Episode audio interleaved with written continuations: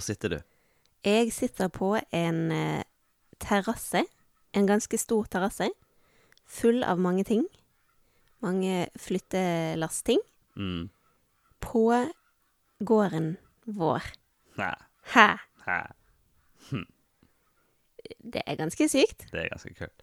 Um, denne ukens podkast har blitt litt grann forsinket. Um, kommer ut litt seinere på dagen enn vanlig. Fordi vi har flyttet inn. Ja. Og så, ja. Og så prøvde vi også også å gjøre et oppdrag sånn en sen kveld etter en lang flyttedag. Ja, vi, vi laget et opptak som varte i over en time siden nesten. Ja, det var, det var seigt. Det var ganske seigt. Det var seigt. Det, det, vi snakket mye om mye tull. Eh, Ja, nei, og så snakket vi veldig sakte, Ja. merket jeg. Det var, helt, ganske- det, det var absurd når vi hørte på det i dag før vi skulle legge det ut. Det, nei, det var, det var ikke så bra, så dere skal slippe å høre på det. Ja. Litt mer peppa nå. Eh, så, så hei! Hallo. Velkommen til eh, eh, Gjengevold Pludekast. I dag skal vi snakke om I dag skal vi snakke om ja, at vi har flyttet inn. Og eh, så tenkte jeg at vi kunne snakke litt om, i anledning innflytning, um, hvordan vi hvordan vi egentlig kom til å finne denne gården. Eh, jeg tenkte vi kunne snakke litt om prosessen med å leite etter riktig gård, og hva som kan være lurt å tenke på i den anledning. Spesielt når du er sånn som oss, som ikke kommer fra gård sjøl, og ikke egentlig kjenner så veldig mange bønder, eller er inni inne i landbruksmiljøene. Hvordan skal man da gå fram for å finne et småbruk? Det tenkte jeg vi kunne snakke litt om. Ja. Så Men eh, du, ja. før det. Hvordan føles det å ha flyttet inn? Eh, det, det, jeg må jo si at det er sånn lett overveldende akkurat nå. Um, men um, midt oppi alle disse greiene som skal organiseres, så har jeg hatt et par sånne fantastiske øyeblikk av å eh, ikke høre en lyd. Det har vært stille. Ingen vaskemaskiner som går på rare tidspunkt, og ingen unger som tramper rundt i noe gulv, og ingen børnende biler nedover gatene. Det har vært ganske Det var magisk. kult. Og så, og så kommer hønene. Så dette har hanen i. Ja. Og så blir jeg veldig glad. Så, så jeg har det jeg, jeg er optimistisk. Mm. Ja, nå er det jo sånn at vi, vi sitter altså ute denne gangen når vi spiller en podkast.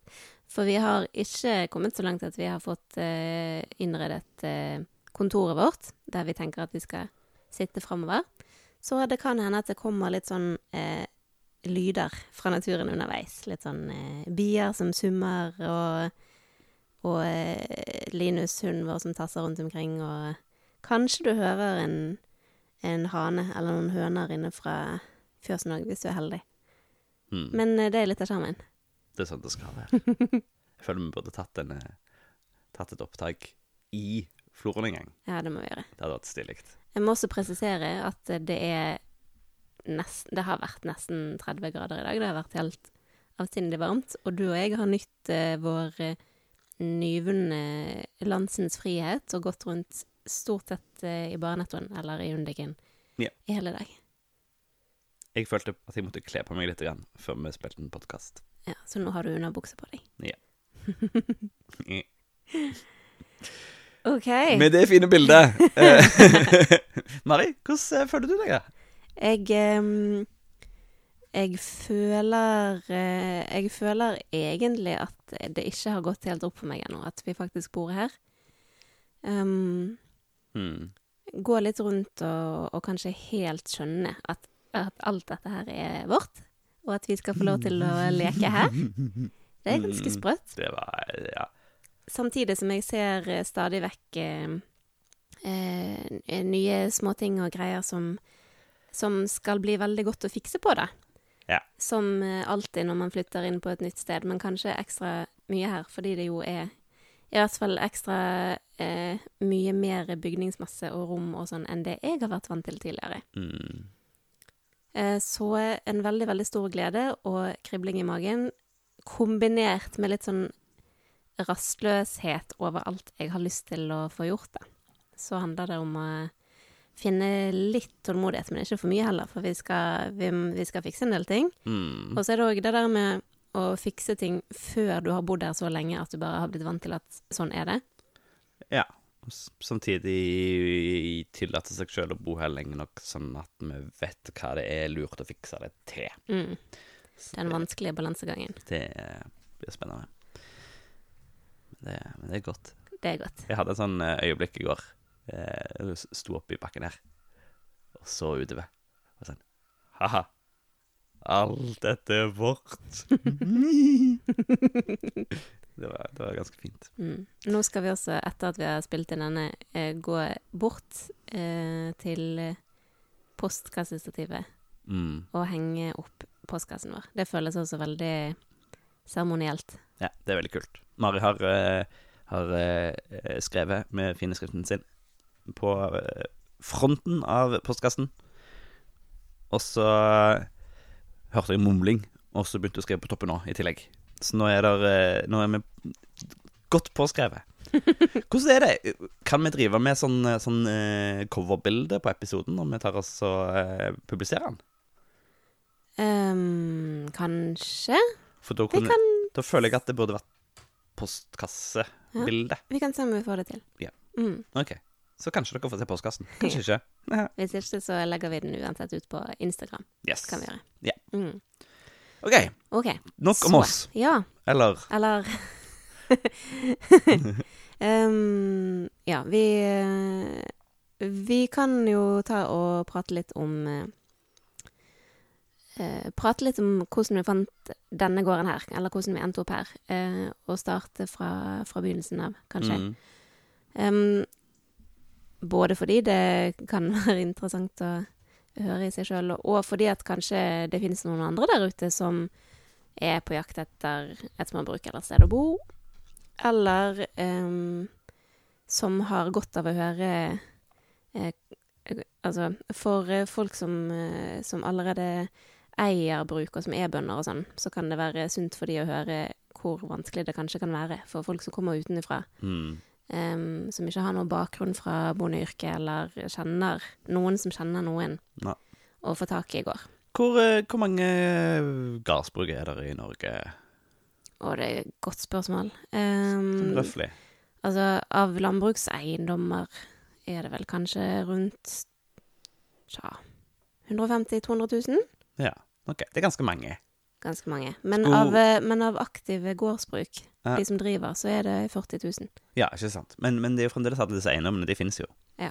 Og en skulle jo tro at eh, de skifter hender en gang iblant. Mm. Altså, folk dør eller flytter for ny jobb, eller eh, eh, sitter plutselig med noe arv så de trenger å bli kvitt, eller Han skulle jo tro at det skjedde noe. Men -hmm. liksom, hvor, hvor mange aktuelle bruk vil du si at vi har sett da i løpet av et år? Som på Ja. åpne markedet? På det åpne markedet mm, 10-15 kanskje? Mm. Det er jo Um, selvfølgelig altså, sortert eh, lokalt, så vi må jo Altså, ja, det gir mening at det er færre og sånt, Ja. men det er ikke mange bruk som blir lagt ut på det åpne markedet, basert på hvor mange som faktisk finnes. Nei, det er, det er overraskende få, egentlig. Jeg vet ikke helt hvordan det er i andre deler av landet, men her på Vestlandet i hvert fall, så er det, så er det veldig få, altså. Um, og um, det er jo sånn at eh, det er mange eiendommer her, mange av de er ganske små, da, men allikevel, de, de ligger rundt omkring over hele, hele Vestlandet. Eh, og du ser de veldig tydelig, for de står der og forfaller. Det er ingen som bor der lenger. Um, de som bodde der, har for lengst flyttet til byen og begynt å jobbe der hvor det finnes jobber. Og, mm.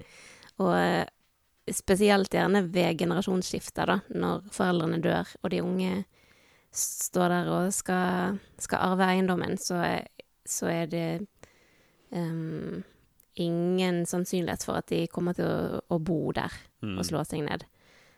For eh, ja, mange av eiendommene er, er for små og eh, altfor tungvinte å drive. I hvert fall hvis du spør sånne tradisjonelle bønder som ikke er sånn som oss.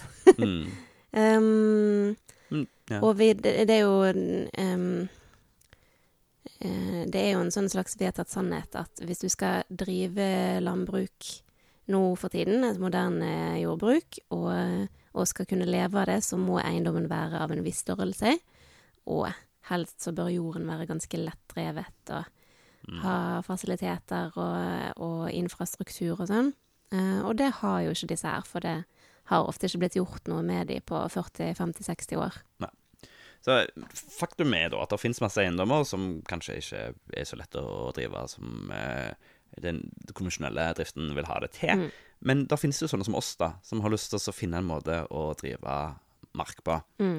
Eh, og så er det manko på gårder som blir lagt ut på det åpne markedet. Ja. Så hva gjør en da? Nei, det er jo en irriterende stor mismatch, da, mellom mellom de gårdene som er, er der ute et eller annet sted, eh, og de som er på Finn eller på det åpne markedet. Um, nå vet jeg ikke akkurat hvor mange som Altså hvor stor etterspørselen er, men vi opplevde jo i hvert fall når vi var de som etterspurte, at det var vanskelig å finne.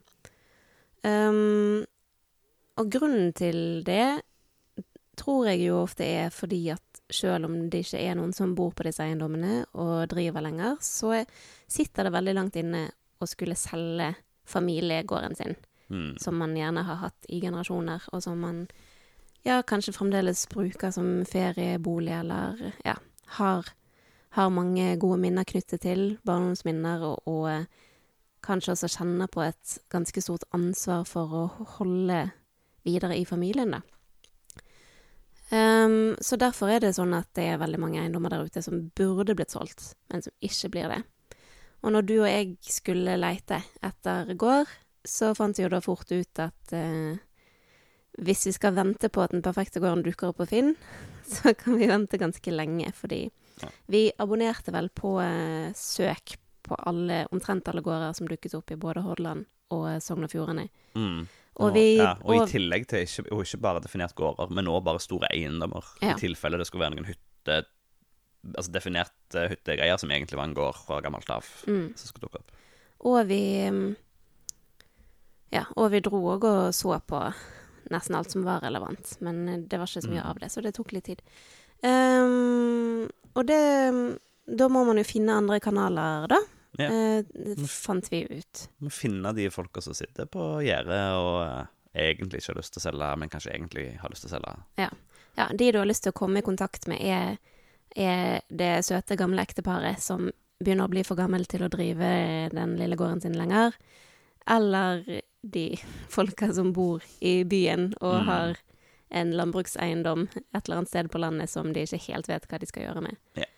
Um, vi drev jo Det er jo en nettside som heter um, gårdsbruk.no. Den er jo strålende. Den, eh, det var der vi begynte. Mm. Det er jo en sånn eh, kontaktannonseside for bønder som vil selge, og folk som vil kjøpe gård. Det er jo en helt fantastisk uh, idé. Eh, at du, du legger den kontaktannonse og sier 'jeg har lyst på gård i dette området', eller hvor som helst, eller et eller annet. Eller at du legger ut 'jeg har en gård', er det noen som har lyst på den? Eh, de har til og med en egen rubrikk for eh, eh, 'Vil du være mentor for de nye menneskene'? Det er veldig koselig. Mm, det er fint. Men eh, per her om dagen, sjekka jeg, så var det elleve bruk som lå der. Er de, I Hordaland, eller i, i landet. i hele landet? Ja. Ja, og det mange av de er de samme som har ligget i flere år. Ja. Så det er jo ingen bevegelse der. Nei, og det er så utrolig dumt at folk ikke evner å bruke sånne sider som det der. For der kan du jo bare legge ut en føler, rett og slett. For de som lurer på om de skal selge, så kan de legge ut en, en annonse hvor de sier at de tenker på å selge, og, og så kan de bare vente på at folk tar kontakt, og så kan de filtrere ut de som de ikke liker.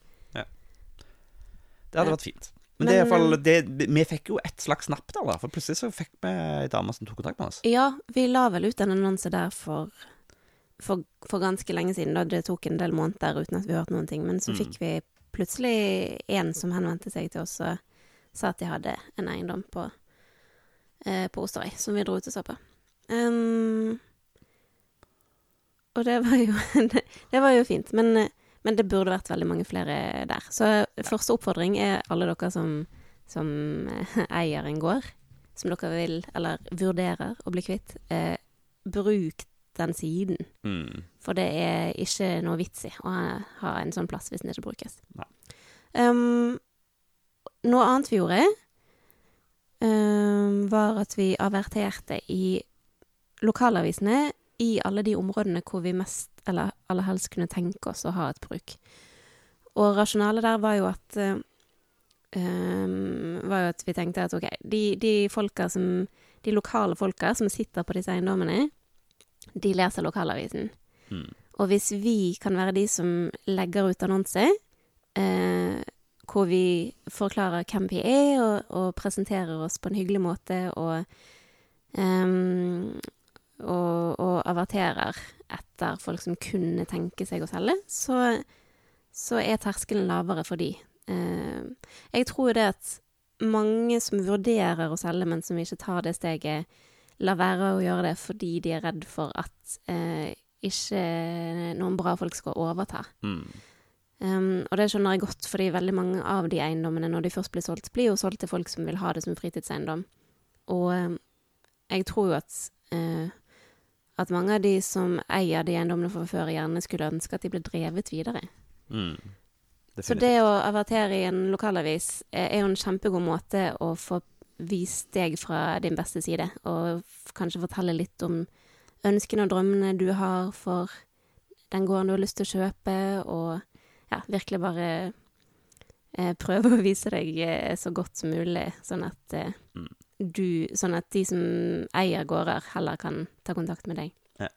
Jeg tror eh, det òg er lurt å putte litt penger på det. Vi valgte jo den rimeligste løsningen på det tidspunktet, som var sånne små rubrikkannonser. Mm. Og basert på de altså, Da får du jo cirka ikke plass. Altså, det er som en liten tweet, liksom. Mm. Eh, så da, basert på de, så fikk vi en henvendelse. Det viste seg at det var en kar som skulle selge en, en litt stor eiendom. Så det var ikke så interessant. Altså, nå snakker vi liksom tre-fire mål. Ja. Um, men eh, ja, nei, hvis, eh, hvis, men jeg tipper at, at hvis du putter litt ekstra penger på det, og får virkelig presentert deg, så eh, kan det være en veldig god måte å finne rett sted på. Mm. Vi hadde vel kanskje puttet mer penger på det og prøvd flere runder hvis vi ikke allerede hadde fått napp eh, på det som viser seg å være mest effektivt, og det var jo den eh, veldig fine annonsen vi la ut på våre egne Facebook-sider. Eh, så på et tidspunkt så sa vi vi, vi, vil, vi vil kjøpe gård. Eh, vi leide til det rette stedet, eh, hvis noen har noen tips. Og i det så hadde vi et veldig fint bilde av oss sjøl. og så hadde vi en eh, beskrivende tekst om hva vi var på jakt etter. Mm. Ganske fyldig. Hvilke kvaliteter vi ville ha. Eh, og området som var relevant. Ja. Eh, Den la vi ut på våre egne sider. Og så la man ut på tre-fire forskjellige sånne kjøp og salg, småbruk, eh, landbrukseiendommer, eh, bæ, bæ, bæ, steder. Eh, og det kan være nyttig, for der er det eh, for folk som følger med. Mm. Eh, Og det er ofte noen som, som kjenner noen som kjenner noen. Som de tipser videre til de eller til oss, da, hvis de ikke har Mm. noe sjøl. Ja. Så jungeltelegrafen går fort hvis du gjør noe sånt. Vi fant ut at det var det mest effektive for vår del. Og da fikk vi, da fikk vi ganske mange tips, rett og slett. Mange Mm. tipset om det samme, men det var um, flere ulike som da ikke var lagt ut på Finn. Um, men hvor ja, noen, noen tipset jo om ting som lå ute på Finn. Men men òg en del som var sånn Ja, jeg har en tante som kanskje tenker på å selge snart, eller mm. våre besteforeldre vurderer dette her, og ja. Så det, ja, det, det var definitivt den mest effektive måten å, å finne folk på. Mm. Det var, en, eh, var noen dager der hvor det ble sendt mye meldinger fram og tilbake. Og Ja. Det var mye kommentarer. Det var fint. Og så havnet vi jo på lokalradioen òg. Ja, det gjorde vi. Og det er jo Og basert på det så fikk vi òg en henvendelse. Ja. Så eh, det er jo Ja, det handler om å stikke hodet fram, da. Ja. Og det er jo det enkelte kanskje syns er litt vanskelig. Fordi du må må kanskje litt ut av komfortsonen din. Bare det å proklamere for hele verden at hei, folkens, nå har vi bestemt oss for at vi, vi vil prøve dette. Dette vil vi satse på. Det Det er dritskummelt. Jeg Ja. hadde aldri gjort det hvis det ikke hadde vært for Mari. Ja, men det, ja, for det er jo Fallhøyden er jo så, så stor. Mm. Hvis du først sier til hele verden at 'dette vil vi få til', og så går det et halvt år, og så har ingenting skjedd, og så, og så må du liksom bare innse at den drømmen ble ingenting av, og fortsette det kjedelige livet ditt. Så Ja, det hadde vært nedtur. ja, det mm, er jo litt feil. Ja. Men vi turte det, og nå sitter vi jo her. Det var, dette, dette er jo en direkte konsekvens av nettverk eh, og kommunikasjon via Facebook. Mhm. Så det er jo det fascinerende. Det som er litt, sånn, det som er litt dobbelt gøy der, er jo at vi eh, ble tipsa om dette stedet eh, basert på de postene vi la ut, den presentasjonen vi la ut. Mm. Og samtidig eh, så ble vi på en måte funnet fordi hun som har solgt dette til oss, og la ut en etterlysning etter kjøpere. Mm. Eh, så eh, det ble litt Begge to la ut sine ting på Facebook, og de, det ble en match. Det ordnet seg så fint. Ja. Mm. Og så høres det jo veldig enkelt og greit ut. Det har vært en lang prosess med mye fram og tilbake, men Definitivt. Definitivt. Det funket. Ja. Um, ja, og dette er vel da spesielt nyttig for igjen sånne som oss, da, som, som rett og slett kommer utenfra.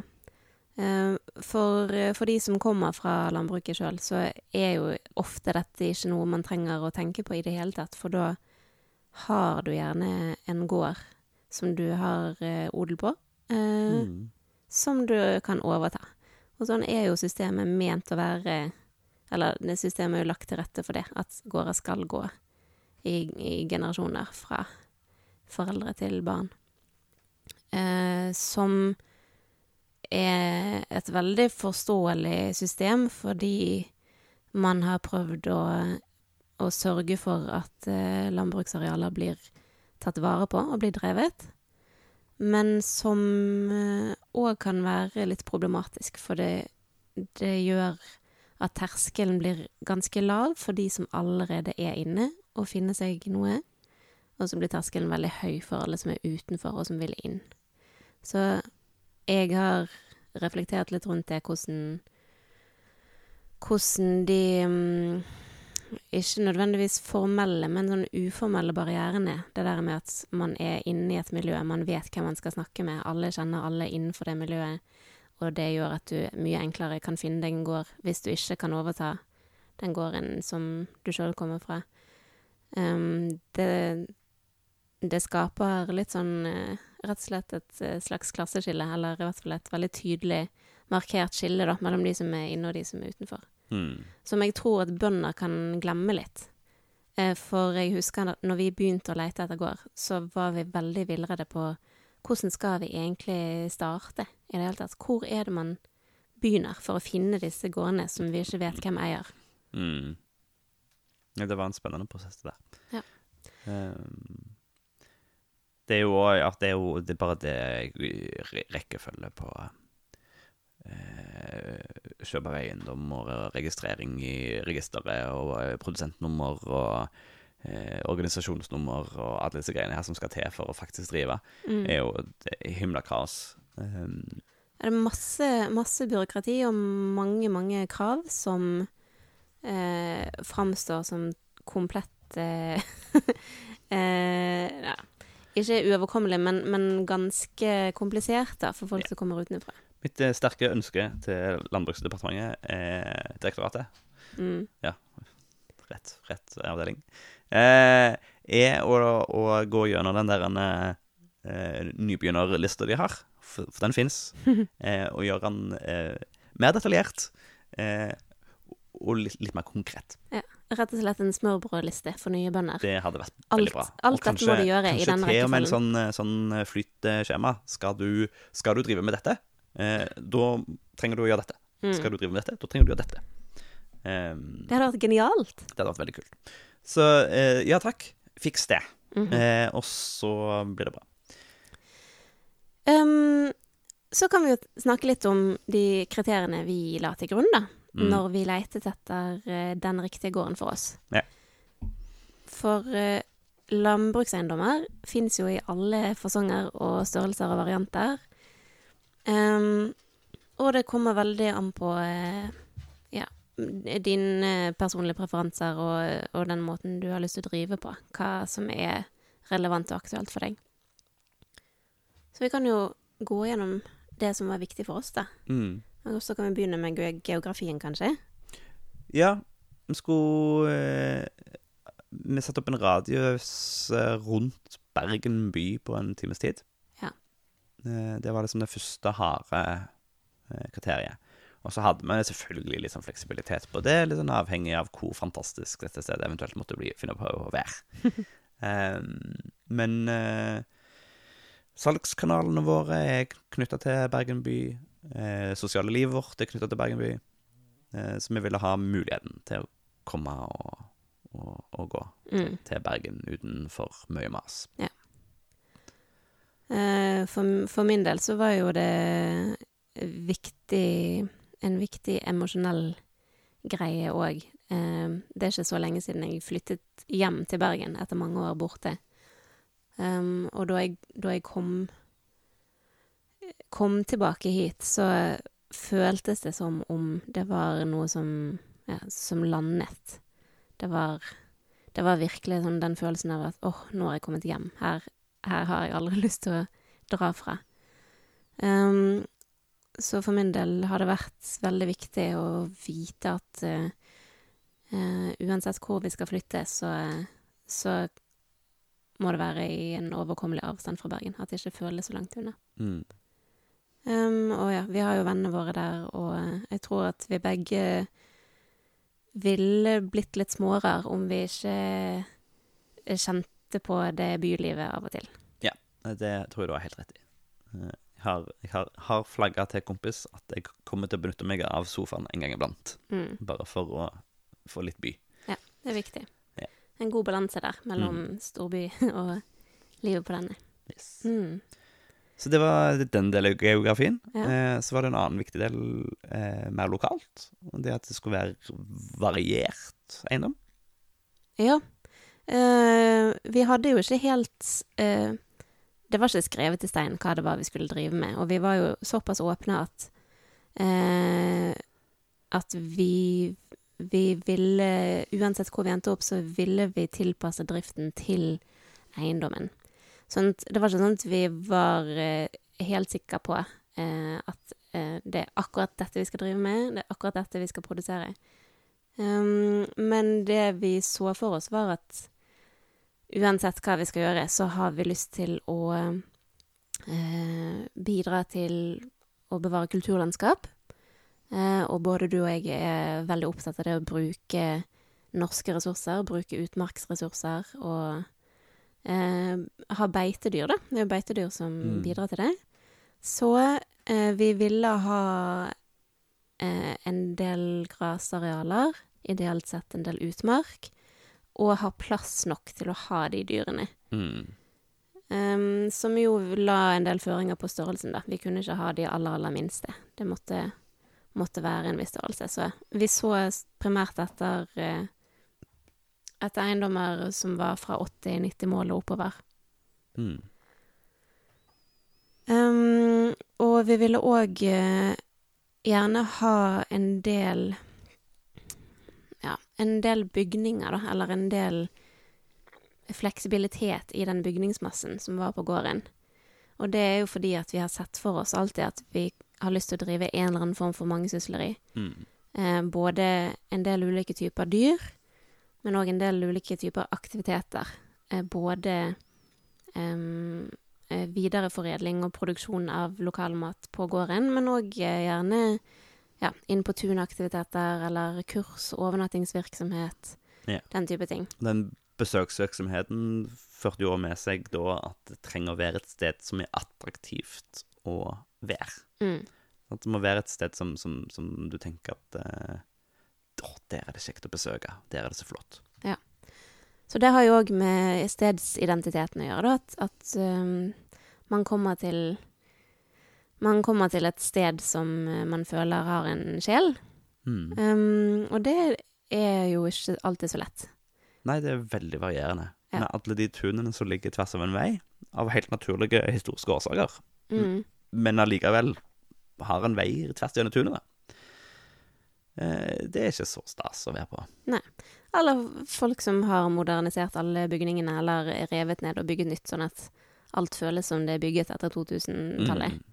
Noe som eh, er kjempepraktisk og, eh, og oppdatert eh, etter dagens standarder, men vi har jo hatt lyst til å ha de der gamle trehusene og, Mm. og bygninger som forteller en historie. Ja, og vi tror òg at disse gamle bygningene er med på å skape mer verdi for oss enn en modernisert, praktisk, lett nedspylbar bygning hadde vært. Mm.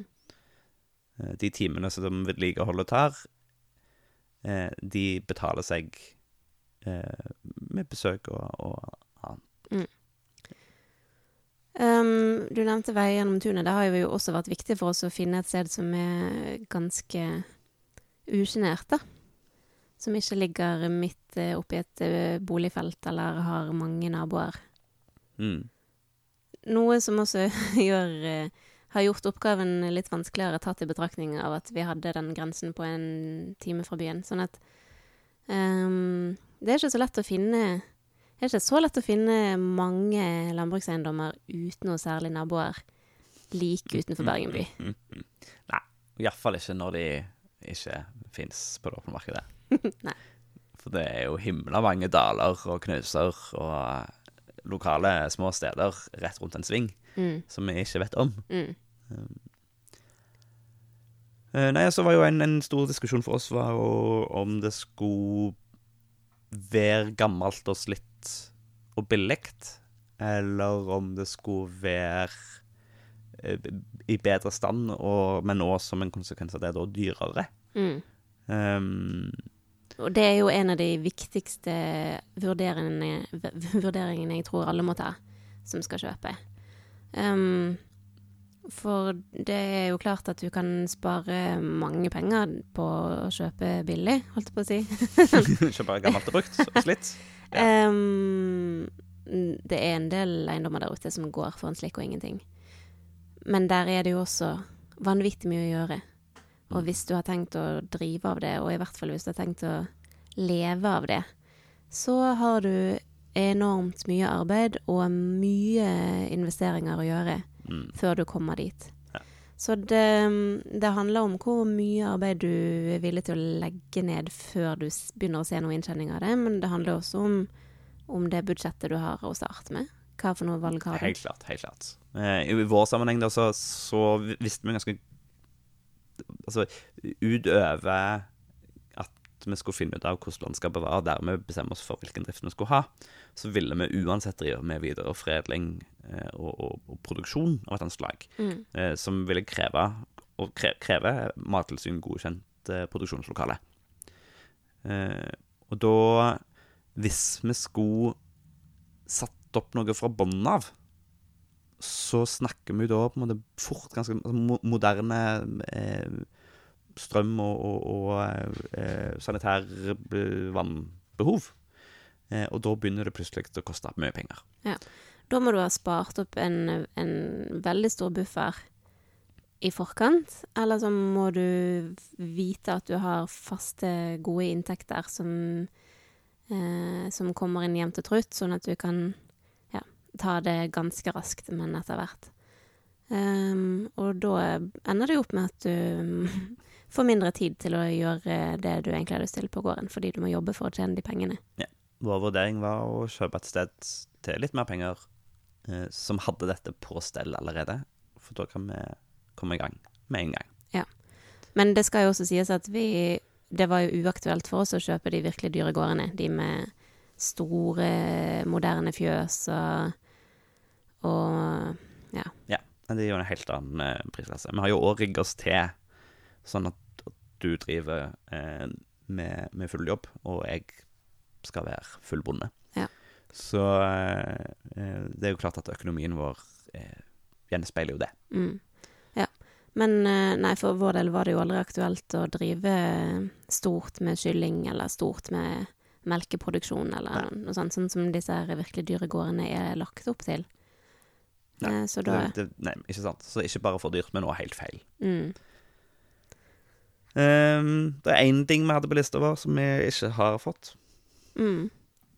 Og det er tilgang til vann. Ja, Åpent vann. Ja. Altså fjord eller uh, innsjø. innsjøvann. Det var det vi måtte kompromisse på til slutt, Mm. rett og slett. Ja. Um, Vi har et par bekker som sildrer gjennom eiendommen. mm. Vi har en elv som går langs eiendommen. Med en kulp rett ved eiendommen, så det går an å duppe seg en varm dag. Det burde vi egentlig ha gjort i dag, men det får Mm. bli i, i morgen istedenfor. Eh, ja, nei, i utgangspunktet, vår drøm var jo en sånn uh, flott uh, eiendom som strakk seg fra sjøen eller vannet nederst med et lite naust, og så gikk oppover og oppover helt opp til toppen av fjellet. Mm. Sånn at man fikk både vanntilgang og eh, gjerne en støl på toppen med utmark, og så eh, flotte vestlandsbakker nedover. De fins, og de er utrolig flotte. Eh, og jeg hadde hatt en veldig deilig følelse av å kunne drive liksom i høyden, avhengig av sesong. Mm. At om sommeren så kunne vi la dyrene trekke ned oppover, og så om vinteren trekker de ned igjen. Ja. Men eh, de så vi vel aldri noen av. Jo da, vi så én, men det den første vi så, Mm. eh, der var det rett og slett for langt unna. Ja. Det var for vanskelig å komme seg dit. Så måtte, den måtte droppes av avstanden. Mm. Men ellers var jo den veldig fin. Ja. Så det mm, Uansett så får du nok ikke makset ut eh, full pupp på absolutt alle kriterier. Man må alltid ta en vurdering. Ja. Men for vår del så fant vi ut at det var såpass mye bra med denne eiendommen at da var det greit å, å la noe gå. Mm. Eh, en ting vi ikke har snakket om, er jo også arrondering. Altså rett og slett Mm. hvordan eiendommen er fordelt. Formen og, og eh, oppstykkingen og sånn. Um, Ja. Så når du etter hvert begynner å lete etter eiendommer, så ser du spesielt her på Vestlandet at det er mange eh, fragmenterte eiendommer med rare, rare oppdelinger. Altså gjerne Ja, ja, ja. sånn ti-tolv teiger som er spredt for alle vinder og Yes. er bitte små alle sammen. ja. Denne eiendommen er delt på to teiger. Eh, det ene på 90 mål, og det andre på 10. Mm. Eh, og det er jo ja, det er jo flaks. Eh, det er jo flere eiendommer i området som har mange flere mindre. Mm. Eh, men det er jo ofte en konsekvens av, av arv og, og oppdeling av gårder, og så skal jo alle sønnene ha tilgang på gode skog, og alle sønnene skal ha tilgang på godt beite, Mm. og alle skal ha litt sjølinje. Eh, og så går det i et par generasjoner, så har du plutselig eh, delt opp noe helt sinnssykt. Ja. Nok et eksempel på noe som har virket veldig fornuftig i øyeblikket, og som får ganske dumme langsiktige konsekvenser, for det blir eh, utrolig tungvint eh, å overta en sånn eiendom og så skulle prøve å drive den på en fornuftig måte. Nei, Så vi er veldig heldige. Vi har uh, Hovedteigen vår er jo en, en klump, rett og slett, med tunet i midten. mm. Og mye god jord rundt på alle kanter. Og da, da kan man få til mye. Det var jo også et par vi så på som ikke var oppdelt i så mange biter, men som var sånne kjempelange, smale tarmer. Ja, som, det er en sånn greie oppe i Nordhordland, virker det som det er veldig mange av de. mm, Så er de kanskje 100 meter brede, og så er de en kilometer lange. Det er absurd. Det er totalt merkelig. Ehm, så ja, så uansett hvor du er, så kan du vinke til naboen. Mm. ja, jeg, jeg eh, følte, følte det litt klaustrofobisk også, når vi gikk der. Mm. Fordi det, du føler det jo som du går på en litt brei vei, liksom. Og så skal du være bonde der. Ja. Det, Det var ikke for oss. Nei. Men eh, forhåpentligvis for noen andre, sånn at det blir holdt eh, i hevd. Ja, det tror jeg var uh, sånn, en kjapp uh, gjennomgang. Kjapp, kjapp og grei gjennomgang av, Ja. av hva som har vært viktig for oss, da. Og Mm. det er jo um, Det vil jo variere fra person til person hva som er viktig, men jeg tror at uansett så er det nyttig og nødvendig å sette seg ned på forhånd når du begynner å leite, eh, og tenke nøye gjennom uh, hva er viktig for deg, hvordan ser du for deg at livet ditt på denne gården skal være. Mm. Hvordan har du lyst til å drive? Eh, Skal det være på hobbybasis, så har du mange tiår på å bare kose deg med renovering og eh, sånn, så er det noe helt annet enn hvis du skal gå inn og kjapt prøve å få til noe som genererer verdier uten at du binder deg for mye til store investeringer på forhånd. Og hvis du kjenner noen som eh, sitter på en eiendom, enten fordi de eh, ikke har lyst til å flytte før det kommer noen fornuftige folk inn, men ikke har lyst til å selge, eller fordi de har arva noen greier som de egentlig ikke bruker og ikke driver, og kanskje de slipper liksom, naboens eh, dyr innpå, men gudene vet. Hvis du kjenner noen som burde selge, ta så gi dem et spark i leggen. Ja. Pass på lårhalsen så den ikke knekker, men et spark i leggen. Og få dem til å få ut fingeren. Ja. Og så eh, la oss eh, passe på alle disse fine stedene. For det er, det er den største tragedien oppi det her. Alle de landbruksområdene som ikke blir drevet. Og um, ja, jeg skjønner at folk eh, sitter på gjerdet og venter, fordi det føles veldig stort og skummelt å skulle la det gå, men, eh, men eh, alle taper på det. Mm. Både de som eier, og som har en eiendom som forfaller, taper på det fordi verdien går ned. Eh, Og de som vil inn i jordbruket, taper på det fordi det er ikke noe tilgang til eiendommer. Eh, Og matproduksjonen taper på det fordi det er mye arealer som ikke blir brukt. Mm. Så um, slutt med det. Fy! um, uh, slutt å sitte på gjerdet. Ja. La det gå videre til noen som vil bruke det. Mhm. Mm. Men uh, utover det, ha en god uke, da. Ja, og takk for at du hørte på. Ja. Sjalabais! Ha det bra.